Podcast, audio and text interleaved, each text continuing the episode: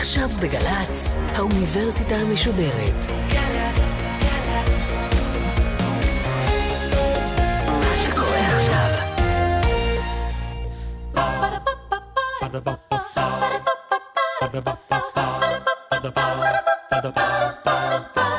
האוניברסיטה המשודרת בשיתוף מיזם וויז מציגה המדען העירום. מיטב החוקרים בישראל בשיחה עם בן שני, אחד על אחד מול קהל. והפעם, שיחה עם הפרופסור דוד אנוך, מהחוג לפילוסופיה והפקולטה למשפטים באוניברסיטה העברית בירושלים, על הפילוסופיה של המוסר. עורכת ראשית, מאיה גאייר.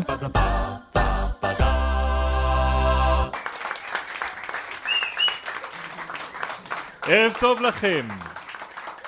האורח שלנו הערב, הפרופסור דוד אנוך, עוסק בפילוסופיה של המוסר ובפילוסופיה פוליטית. הוא שואל במחקריו איך ניתן להכריע בנושאים שאנחנו מתווכחים עליהם, כואבים אותם ומשלמים עליהם, לעתים אפילו בחיי אדם. האם מוסרי לצאת למלחמה? האם יש אמת אבסולוטית בוויכוח על הפלות למשל? האם מדינה צריכה לכבד את המנהגים הלא מוסריים של המיעוטים שחיים בתוכה? פוליגמיה למשל. האם יש שם בדילמות כאלה אמת אובייקטיבית אחת, אמת מוסרית שניתן להוכיח את תקפותה באופן שהוא אפילו מדעי? דוד אנוך עוסק בהגדרות פילוסופיות מאז היה בן שמונה עשרה כשלמד משפטים ופילוסופיה כבר במסגרת העתודה האקדמית. הוא הספיק להתמחות אצל מי שהייתה לימים נשיאת בית המשפט העליון, הפרופסור דורית בייניש, ואחר כך קיבל תואר דוקטור של המוסר מאוניברסיטת ניו יורק. אנוך זכה במלגת פולברייט היוקרתית, בפרס צלטנר, פרס מיכאל ברונו ופרס חשין, ובפרס הנשיא לחוקר הצעיר המצטיין. הוא חבר באקדמיה הצעירה למדעים, והערב הוא איתנו. בבית קפה בירושלים בשם תמול שלשום, זה ערב מיוחד עבורנו, כי הוא חותם את הסמסטר הרביעי שלנו במדען העירום של האוניברסיטה המשודרת. פרופסור אנוך, אני רוצה להתחיל במשפט שציטטה לי אביגיל שערכה את התחקיר איתך. מגיל מאוד קטן ידעתי שאני רוצה להיות עורך דין. כל כך ידעתי שהלכתי לעתודה במשפטים ובגיל 18 התחלתי את האוניברסיטה רק בלימודי משפטים. כמה שבועות אחרי תחילת הלימודים ידעתי כבר שני דברים. אחד זה שאני לא רוצה להיות עורך דין והשני זה שאני רוצה ללמוד פילוסופיה. תסביר לי את זה, מה קרה שם בתחילת הלימודים? אני לא זוכר לגמרי, אני זוכר חלקית. התחלתי ללמוד פילוסופיה. במשפטים אז היה קורס נדרש בפילוסופיה של המוסר ופילוסופיה של המשפט, כמו גם קורס שאני מלמד עכשיו, וזה דיבר אליי יותר. יש מספיק דברים בעלי ערך במשפטים, אבל גיליתי שזה פחות אני. ודאי ש, שללמוד את המשפט עצמו, זה לא משהו שאני uh, מגלה בו הרבה עניין אינטלקטואלי. אז מה בכל זאת בפילוסופיה משך אותך? אמ, שמעתי פעם ציטוט, אני אפילו לא, לא יודע של מי, של מישהי שאמרה שכשהיא נכנסה לראשונה בחיי לשיעור בפילוסופיה, היא הרגישה כאילו לראשונה בחיי היא שומעת אנשים אחרים מדברים בשפת אימה.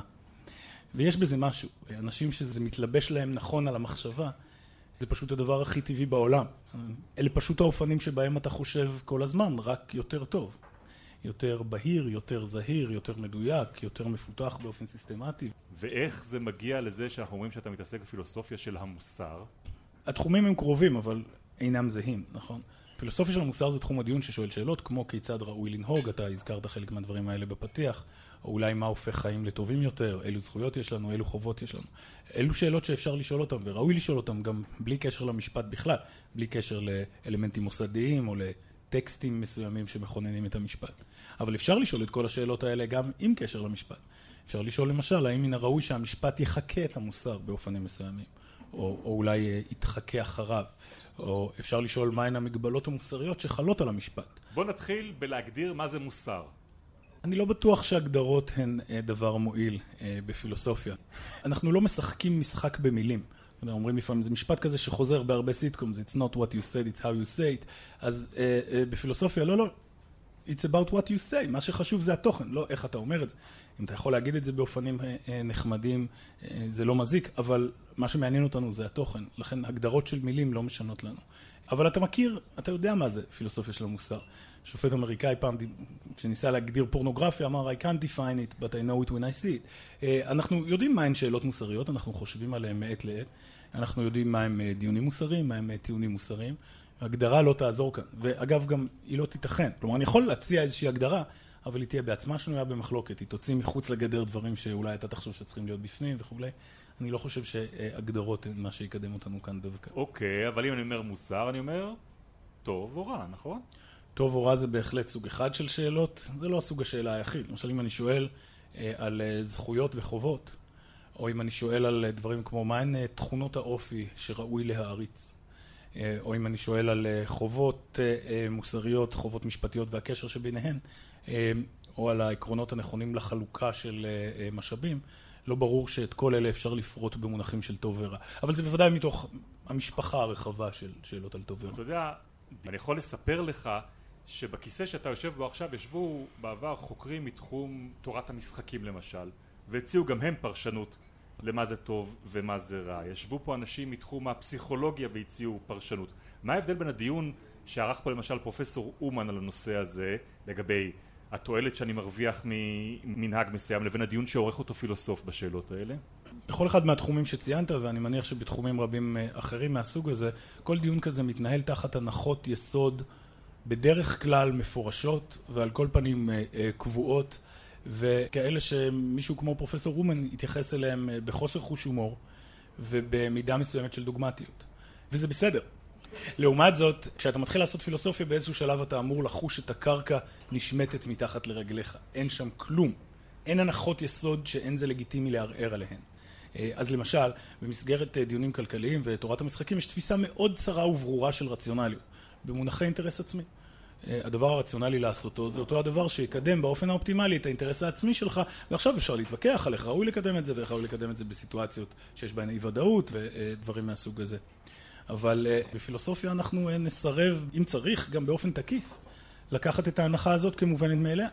מי אמר שהדבר שתמיד ראוי לעשותו זה לקדם את האינטרס העצמי שלך? Uh, למעשה, מרגע שאתה מתחיל להרהר על זה קצת, ובפילוסופיה מותר, אתה מגלה שהעמדה הזאת היא שקרית על פניה. אין אף אחד, כולל פרופסור אומן, שבאמת מקבל אותה באופן עקבי. אז זאת רק דוגמה, אבל אני חושב שהיא דוגמה טובה. יש מין מושכלות יסוד כאלה, שאסור לערער עליהן בתוך כל מיני דיסציפלינות אחרות. לא אצלנו. Everything is fair game. אוקיי, okay, אבל בסוף אתם מגיעים לאיזושהי תוצאה שלא ניתן לערער עליה? זה יישמע קצת כמו, אה, קצת כמו קריקטורה, אבל אני לא יודע מי זה אתם, אני לא יודע מה זה מגיעים, ובטח שאני לא יודע מה זה לערער. עכשיו הבנו מה זה פילוסוף, אוקיי. אנשים שונים מגיעים למסקנות שונות וזה בסדר גמור. זה שיש אי הסכמה על מסקנות מסוימות לא אומר שאין מסקנה אמיתית. זה רק אומר שיש מחלוקת לגבי מהי. להגיע אליה זה לא אומר להגיע אליה דווקא בוודאות. להבין שלא תהיה ודאות זה ממש אה, ראשית חוכמה. כן, זה ככה, זה, זה, זה חלק מהתבגרות ככה אינטלקטואלית. אה, אבל להבין שאין ודאות זה לא אומר שאין תשובות טובות יותר וטובות פחות, שאין טיעונים שמבססים לפחות במידת מה מסקנה וטיעונים שמחלישים אותה. יש הרבה מקום לעבודה גם בלי השאיפה הכביכול אולטימטיבית הזאת. אוקיי. Okay. אם אנחנו ננהל עכשיו איזשהו ויכוח על שאלה שהיא מוסרית, אה, כמו שאלות אה, אחרות שאנחנו יכולים אה, להתווכח עליהן בתפיסות העולם השונות בינינו, אתה אומר שבסופו של דבר קיימת איפשהו במקום אמת שהיא עובדתית שאנחנו חייבים להגיע אליה. לפחות בטווח רחב של מקרים זאת עמדתי, כן. איך מגיעים לאמת כזאת? זאת שאלה יותר טובה. התשובה המאכזבת משהו היא, עושים כמיטב יכולתנו. אין תשובה כללית יותר טובה, אבל יש הרבה דברים יותר ספציפיים שאפשר לומר כאן. למשל, אפשר להציע אה, טיעונים. אני יכול להראות לך איך העמדה שאתה מציג עכשיו לא עולה בקנה אחד באופן נוח עם עמדות אחרות שיש לך. אם אני אצליח להראות את זה, אתה בעצמך תחוש את הלחץ לערוך רוויזיה מסוימת, עדכון מסוים בשלל הדברים שאתה מאמין בהם כדי לשקם תפיסה קוהרנטית או עקבית. אז זה אמצעי אחד אה, משמעותי. יש עוד כל מיני אמצעים אחרים, אני יכול להציע לך דוגמאות היפותטיות, דוגמאות לניסויי חשיבה כדי לראות מה אתה חושב עליהם ואיך זה מתיישב אם בכלל עם uh, עמדות אחרות שלנו. אפשר להציע uh, ניסויי חשיבה מתוחכמים יותר, כאלה שלא רק מראים האם במקרה מסוים ראוי או לא ראוי לעשות משהו, אלא שמנסים להראות האם יש או אין הבדל בין שני מקרים אחרים. אפשר להציע אנלוגיות מתחומי חשיבה אחרים בכלל. אנחנו עושים את זה לא מעט באתיקה, לחשוב על שאלות מקבילות שעולות אולי במדעים, אולי במתמטיקה ולראות אם אפשר ללמוד מהם uh, משהו לכאן. אבל יש גם בינינו דברים שהם לא נתונים לוויכוח, נכון? שנינו נסכים שאסור לרצוח, שאסור לגנוב. למה אתה מסתכל עליי במבט ספקני? ראשית, אני לא uh, חסיד גדול של זכות הקניין, אז אני לא בטוח שאסור לגנוב זה מין uh, משהו עד כדי כך uh, בסיסי, אסור לרצוח זה מועמד יותר טוב. אבל הטענה שאנחנו כולנו מסכימים על זה לא נשמעת לי משכנעת. לא? לא. אני חושב שההסכמה שלנו לגבי אסור לרצוח מתפוררת בשנייה שאנחנו הופכים את העיקרון הזה למשהו מעניין. כלומר, אתה יכול להרוויח כאן הסכמה של אנשים, אבל רק כל עוד אתה שומר על העיקרון לגמרי עמום. ברגע שנתחיל להגיע לשאלות מעניינות יותר, לא תהיה הסכמה. אז מה זה אומר, ש, שמוסר הוא דבר יחסי? לא, זה אומר שאנשים חלוקים ביניהם. אוקיי. אמ, אני חושב שלרבות מהשאלות המתוחכמות שאפשר לשאול, גם בסביבה של, נאמר, המוסר של נטילת חיים, אני חושב שלרבות מהשאלות האלה יש תשובות אובייקטיביות נכונות לחלוטין, כאלה שאמיתותן לא תלויה בך או בי או בנו, או ברוב, או בשום דבר כזה. אבל זה שיש תשובה כזאת עוד לא אומר שכולנו גם uh, מגיעים אליה, זה בטח לא אומר שכולנו טובים באותה מידה uh, בלהגיע אליה. אז צריך פשוט להפריד לגמרי בין השאלה אם תהיה הסכמה על אודות משהו, לבין השאלה אם יש תשובה אמיתית לגבי הדבר הזה. יש הרבה מאוד דברים uh, בחיינו האינטלקטואליים שאין לגביהם הסכמה, ושגם אין שום טעם לצפות שתהיה בעתיד הנראה לעין, אבל זה לא גורם לך לאבד ביטחון בשאלה אם יש שם אמת אובייקטיבית. אוקיי, אז תסביר לי את המושג הזה שעכשיו הגעת אליו. מה זאת אומרת אמת אובייקטיבית? לא בטוח שזה הרבה יותר מאמת, אבל זה די הרבה. אה, אז נאמר שאנחנו שואלים אה, שאלה מוסרית כלשהי. השאלה הזאת היא האם אה, במקרה של הגנה עצמית, רובנו חושבים שאסור לרצוח, זה נשמע ככה מספיק אטרקטיבי בתור נקודת מבט ראשונה, okay. אבל שיש חריגים ושלעיתים מותר להרוג מישהו, למשל בהגנה עצמית. אוקיי, במקרה הפרדיגמטי של הגנה עצמית יש מישהו ממש ממש רע, שתוקף מישהו ממש ממש טוב, והמישהו הממש ממש טוב הזה יכול להגן על עצמו רק במחיר חייו של הרע, וזה בסדר. אוקיי, בואו נניח שגם לגבי זה כולנו הסכמנו, אמ, אבל עכשיו מתחילים להיות מקרים יותר מעניינים. למשל, מה אם הדרך היחידה להציל אה, את עצמי במקרה מהסוג הזה היא גם לגרום נזק למישהו אחר, חף מפשע? או מה אם הבחור שתוקף אותי הוא לא ממש ממש רע, הוא פשוט סובר בטעות שאני תוקף אותו? אלה שאלות, אגב, שעולות okay. אוקיי. גם במשפט וגם אה, בכלל. אני חושב שלרבות מהשאלות האלה יש תשובות אמיתיות ותשובות שקריות. אה, בדרך כלל לא כלליות, יכול להיות שהתשובה תהיה תלויה בעוד כמה מהפרמטרים שלא סיפקנו במקרה הזה. אבל לומר שהתשובה היא אמיתית באופן אובייקטיבי, זה, זה אומר פחות או יותר שזה שהיא אמיתית לא תלוי בדברים כמו מה אנחנו חושבים לגביה. רגע, אני רוצה להבין. הרי אתה נתת את הדוגמה הזאת, ואני מניח שאנשים שיושבים כאן עכשיו, או שמאזינים לך ברדיו, מיד העלו חלק מהפרשיות המשפטיות שהם שמעו עליהם שנדונו לאחרונה, או אירועים מוסריים אחרים שהם שמעו עליהם, אני לא יודע, משירותם הצבאי או במקומות אחרים, והתחילו לשאול את עצמם איפה הם עומדים בוויכוח, והם מכירים את העובדה שהדבר הזה יכול להיות נתון בוויכוח, ויש לכל אחד את העמדה שלו ואת הצד, הזה, את הצד שלו בוויכוח. מה אתה בא לטעון? שיש אחד שהוא צודק באופן ודאי? לא באופן ודאי, אבל כן, יש אחד שהוא צודק. על כל פנים, בוודאי יש אחד שהוא טועה. לא ייתכן ששתי העמדות, עמדה שטוענת שמותר לך להגן על עצמך בנסיבות מסוימות, גם במחיר חייו של אה, אה, אה, חף מפשע, ועמדה שטוענת שאין זה נכון, שאסור לך להגן על עצמך אם זה המחיר. לא ייתכן ששתי הטענות האלה אמיתיות, משום שזאת תהיה סתירה. רלטיביסטים מסוימים חושבים שאולי אפשר לייחס כאן את האמת. אולי אפשר להגיד שאמת אחת היא אמיתית עבורך. ולעומת זאת שלילתה היא אמיתית עבורי, או משהו אה, מהסוג הזה. אבל לדיבורים על עבור כזה, אני מציע תמיד להתייחס בחשדנות. אני לא רואה איך אה, טענות מהסוג הזה יכולות להיות אמיתיות. מה שיכול להיות נכון כמובן שלדעתך הפעולה היא מותרת, ולדעתי היא אסורה, אוקיי? ומה שזה מראה זה שיש לנו עמדות שסותרות זו את זו, אבל זה עוד לא מראה ששתיהן טובות באותה מידה. הרי זה אותו הדבר בתחומים רבים, רבים אחרים. אה, האם העלאת שכר המינימום מגדילה את האבטלה? זאת שאלה שנראית אה, מעניינת, יש ויכוחים עליה, נכון? אני מניח שאין לה תשובה אחידה משום שהיא הרבה יותר מורכבת. צריך לשאול דברים כמו האם העלאת שכר המינימום באחוזים כאלה וכאלה, במצב משקי כזה וכזה וכולי. אבל בסופו של דבר, אחרי שתפרט מספיק, יש לה תשובה נכונה. אנחנו פשוט לא מאוד טובים בלדעת אותה, ולכן יכול להיות שאני אגיד דבר אחד ואתה דבר אחר. אבל זה לא יגרום לנו לאבד את הביטחון שלנו בזה שיש תשובה לשאלה, זה רק אמור לגרום לנו להיות קצת צנועים במידת הוודאות שלנו לגבי התשובה הזאת. אבל תגיד לי משהו אחר. יכול להיות שאיפשהו שם באוניברסיטה יש פילוסוף אחר שבא ואומר לא נכון. יכול להיות, דבר... אלה, אלה הם חיי. אלה הם חייך. ודאי. אוקיי, לא. כי לרגע הרגשתי אני שאני רק פה במבוכה, אבל אתה אומר שמה, שיש פילוסופים שאומרים, זה לא נכון, אין אמת אחת. אז, אז בוא נבחין. ראשית, ודאי שלגבי מחלוקת מוסרית ספציפית, על כל פילוסוף או פילוסופית שטוענים טענה מסוימת, אפשר יהיה למצוא גם את הפילוסוף או הפילוסופית שטוענים, שטוענים אחרת. אה, וכן, יהיו ויכוחים ודיונים. בסוף צריך לפרנס כתבי עת ולקבל קביעות וכל מיני דברים מהסוג הזה. אבל אלה הן מחלוקות בתוך השיח המוסרי, ובדרך כלל מחלוקות מהסוג הזה שותפות להנחה שיש תשובה נכונה. הן רק חלוקות ביניהן לגבי השאלה מהי התשובה הזאת. אבל כפי שאמרתי קודם, אין הנחות יסוד שהם לא מערערים עליהן בפילוסופיה, כולל הטענות האלה עצמן. ולכן כן, גם העמדה הזאת, אה, אה, העמדה שמכונה לפעמים עמדה מטה-אתית, כלומר לא בתוך המוסר, אלא על אודות המוסר מבחוץ. רגע, רגע, תסביר. מטה... מטה-אתיקה. מטה-אתיקה הוא תחום הדיון הפילוסופי ששואל את השאלות לא בתוך המוסר עצמו, כמו מה ראוי לעשות במקרים של הגנה עצמית, אלא ששואל את השאלות על אודות המוסר, כביכול מלמעלה. למשל, האם יש תשובות אובייקטיביות לשאלות מוסריות? הדיון שקיימנו קודם. נכון, הדיון הזה הוא דיון מטה-אתי. וכשם שטענות אתיות שנויות במחלוקת, גם בין פילוסופים וגם בין מי שאינם פילוסופים. אה, כך גם טענות מטה-אתיות שנויות okay. אוקיי. במחלוקת, כי הכל שנוי במחלוקת. אז אמרת, יש אנשים ש...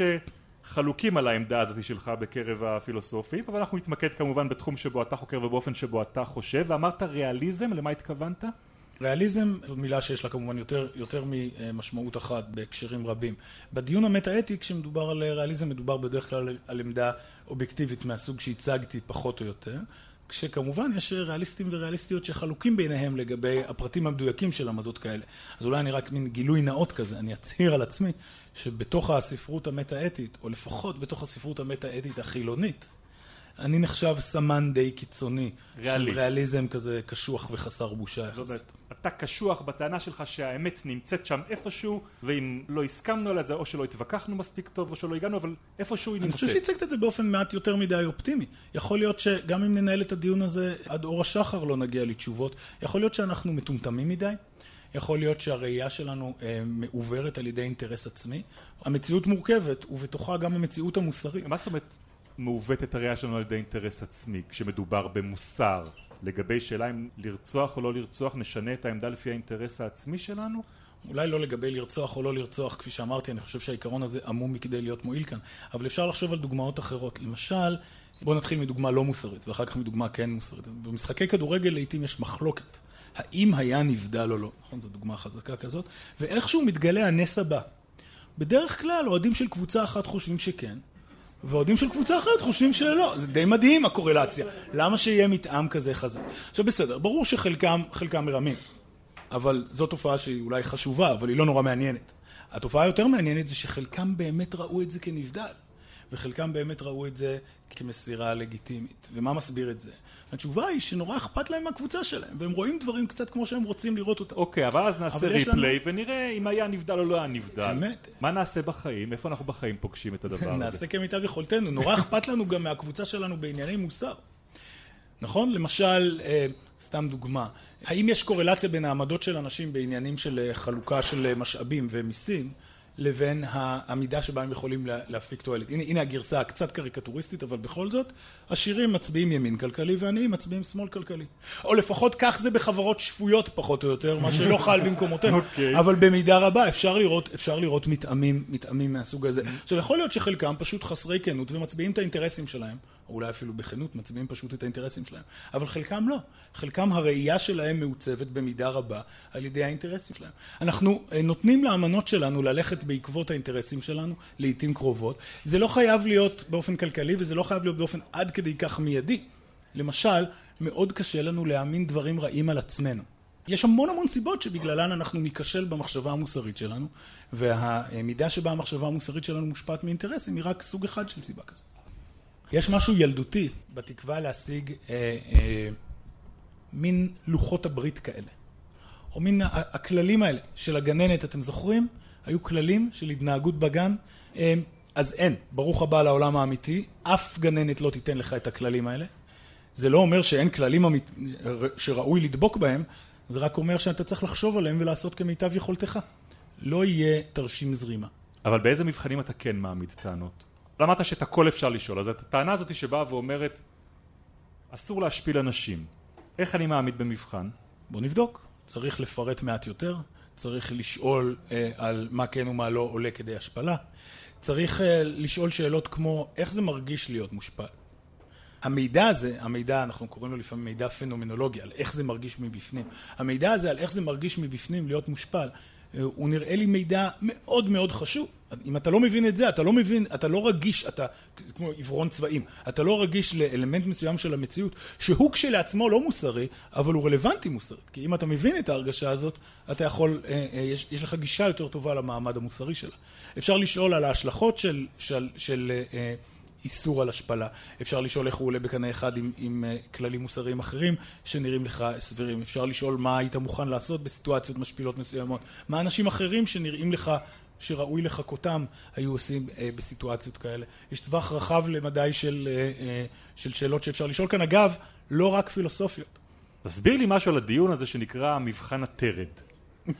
אני מציע מספר מבחנים שהמטרה שלהם היא לשכנע אותך שלמרות שיש איזה סוג של רלטיביזם באוויר, שמדובר בדברים כמו אולי קוד לבוש. אוקיי. או, או אולי אופנה, או אולי קוד נימוס, משהו שאין בו איזושהי מחויבות לאובייקטיביות. שעוד כמה שנים זה יהיה אחרת, או שלפני כמה שנים זה היה אחרת. כן. נכון, אבל שוב, מה שחשוב זה לא רק שאנשים ישנו את דעתם, אנשים משנים את דעתם כל הזמן, הם פשוט טועים.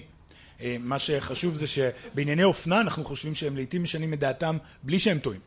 שאנחנו חושבים שבענייני אופנה אה, מה שקורה זה שהמציאות לגבי מה אופנתי ומה לא היא פונקציה של מה אנשים חושבים או של פרקטיקות חברתיות. רואים מסביב פתאום משהו נכון. אחר וחדש. אז מבחן הטרד אמור להיות אה, אה, דרך אחת להראות שבעצם אנחנו לא חושבים על השיח המוסרי באופנים האלה, גם אם התפתינו סביב כל מיני אה, אופנות אה, פסבדו-אינטלקטואליות לחשוב אחרת. אז הנה, הנה המבחן. הוא מתחיל מבדיחה שכריסטין קורסגארד כותבת עליה באיזשהו טקסט פילוסופי, אלה המקורות שמהם אני מגייס בדיחות בימים אלה. אה, והסיפור הוא הסיפור אה, הבא, על ילד שאומר שהוא שונא תרד, ושהוא מאוד שמח שהוא שונא תרד, משום שאילו הוא היה אוהב תרד, הוא היה אוכל תרד. ותרד זה איכס.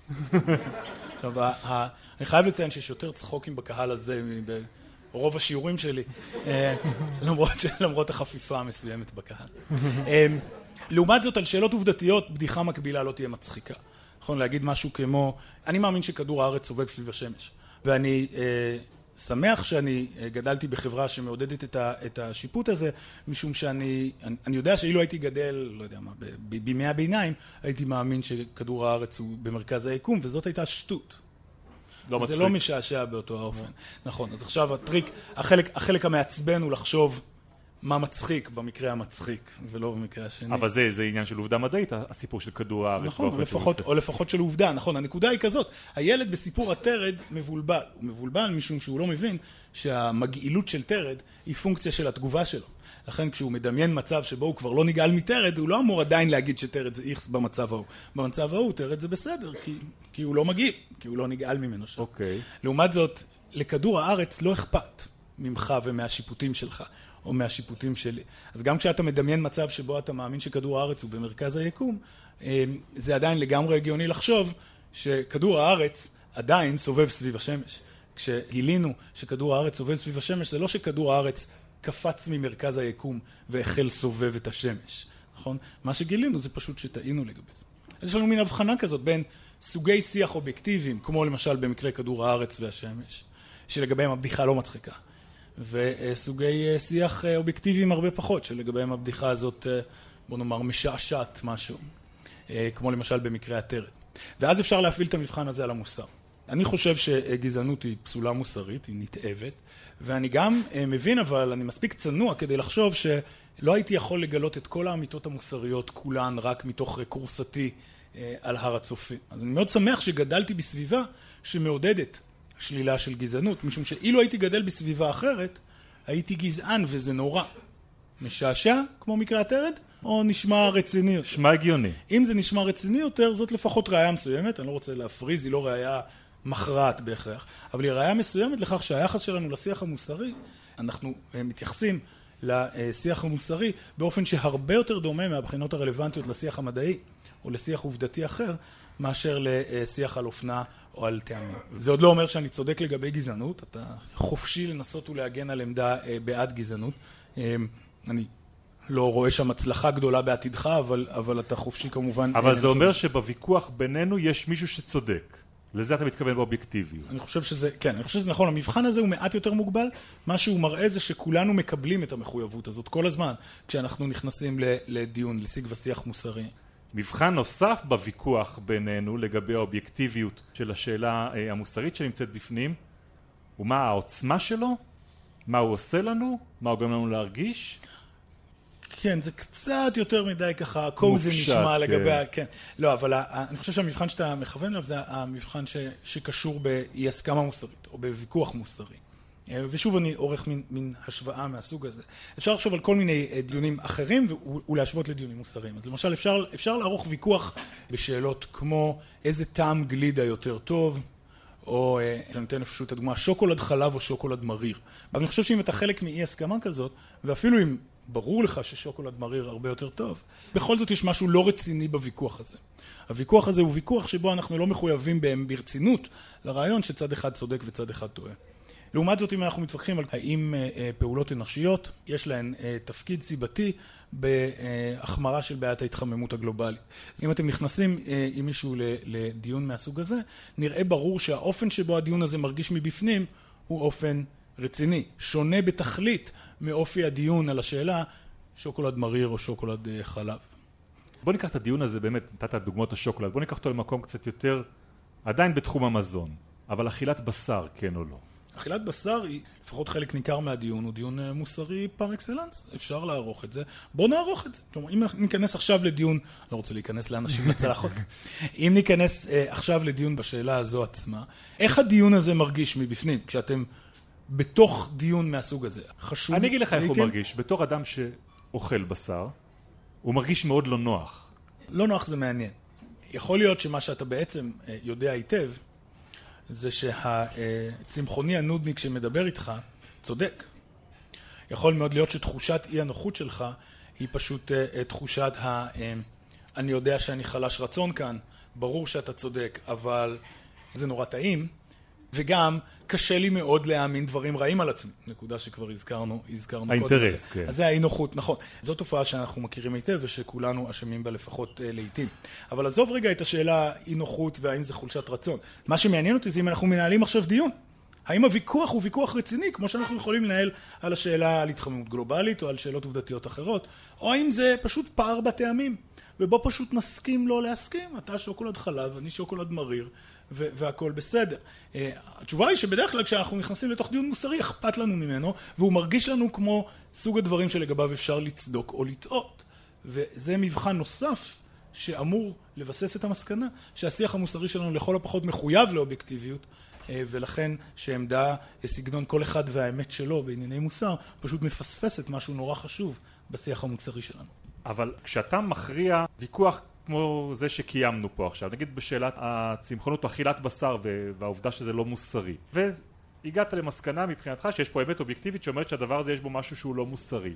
הדבר הזה אוניברסלי, הוא חוצה גם את התרבויות שבהן לצורך העניין אוכלים רק בשר שלוש פעמים ביום? אז אתה זוכר שאמרנו שלדעתי לפחות העקרונות המוסריים הכלליים ביותר הם אה, מוחלטים ונצחיים ובלתי משתנים, חלים בכל זמן ובכל מקום, אבל שהיישום שלהם לנסיבות יכול להיות רגיש ושונה. אז למשל, אה, אפשר לדמיין אה, חברה שבה אין שום דרך אחרת לקיים חיים אנושיים, אלא באמצעות צריכה של מוצרים מן החי, ואולי אפילו של אכילת בשר.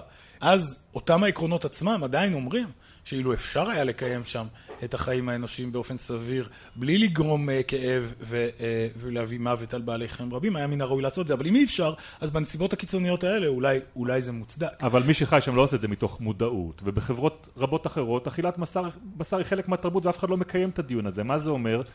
שהכלל המוסרי קיים שם, אבל פשוט הדיון לא מתקיים באותו מקום? גם הדיון לא מתקיים. מה שנכון זה להבחין במקרים כאלה, הבחנה שאני חושב שפותחה לראשונה דווקא בתיאוריה של משפט פלילי, אבל שיש לה השלכות בפילוסופיה של המוסר. זאת ההבחנה בין מה שקרוי לעיתים צידוק ופטור.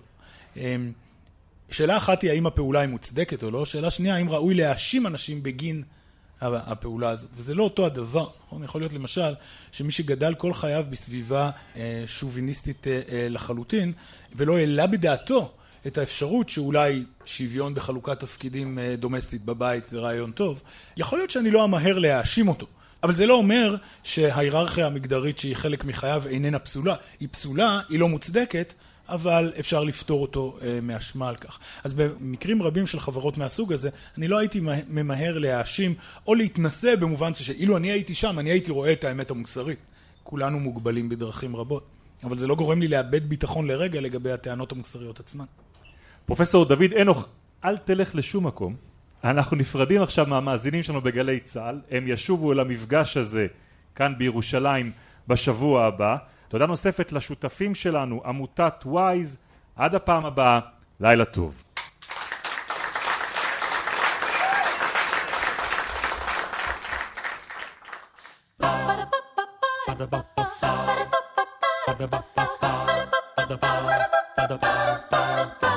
האוניברסיטה המשודרת, המדען העירום. בן שני שוחח עם הפרופסור דוד אנוך, מהחוג לפילוסופיה והפקולטה למשפטים באוניברסיטה העברית בירושלים, על הפילוסופיה של המוסר. עורכת ראשית מאיה גאייר, עורכות ומפיקות אביגיל קוש ותום נשר. ביצוע טכני בני יהודאי ודניאל שבתאי. מנהלת תוכן מאיה להט קרמן. האוניברסיטה המשודרת בכל זמן שתרצו, באתר וביישומון של גל"צ, וגם בדף הפייסבוק של האוניברסיטה המשודרת.